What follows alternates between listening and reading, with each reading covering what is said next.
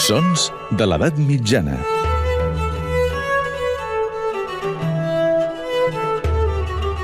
Amb Maria Montes.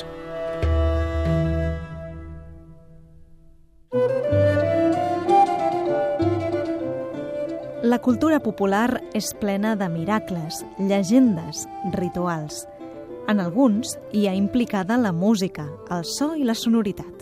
És el cas de la llegenda de la campana de Sant Gil, on a més hi ha implícita la màgia, condensada als efectes d'aquest peculiar instrument. Diu la llegenda, segons recull Joan Amades, el seu costumari, que vora l'any 700, Sant Gil, que era originari d'Atenes, s'havia retirat a una cova del Pirineu, on buscava aïllar-se del món. Allà duia una vida austera i pobra, i totes les seves pertinences eren una mare de Déu i una creu, que havia fabricat amb fusta de noguera, a més d'una olla on cuinava el seu escàs menjar i una campana, amb la qual cridava els pastors dels voltants per compartir àpats i pregàries.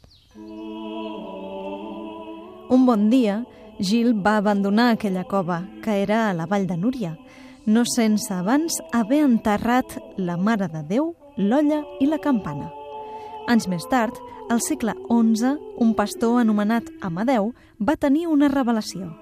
Sant Gil volia des del cel que la imatge de la Mare de Déu enterrada tornés al món i va mostrar al pastor l'indret on la trobaria, juntament amb l'olla i la campana. Un indret que estaria assenyalat amb una pedra blanca. Allà van aparèixer els objectes enterrats i des d'aleshores la Mare de Déu de Núria ha estat venerada a la vall. Sembla que aquella pedra blanca podia haver estat un menir que des d'antic s'hauria trobat a la vall.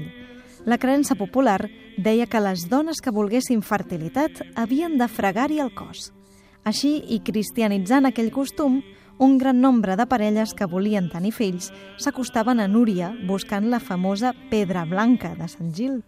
Eren tantes que finalment van haver de protegir la pedra i l'objecte del ritual va canviar les dones havien de ficar el cap dins de l'olla del sant i fer sonar la seva campana. Encara avui es manté aquell costum i el so de la campana reverbera els timpans i el ventre de les dones que s'hi acosten. Diu la tradició que si és nen es dirà Gil i si és nena es dirà Núria.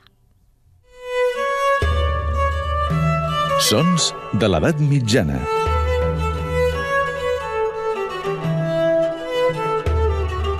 Amb Maria Montes.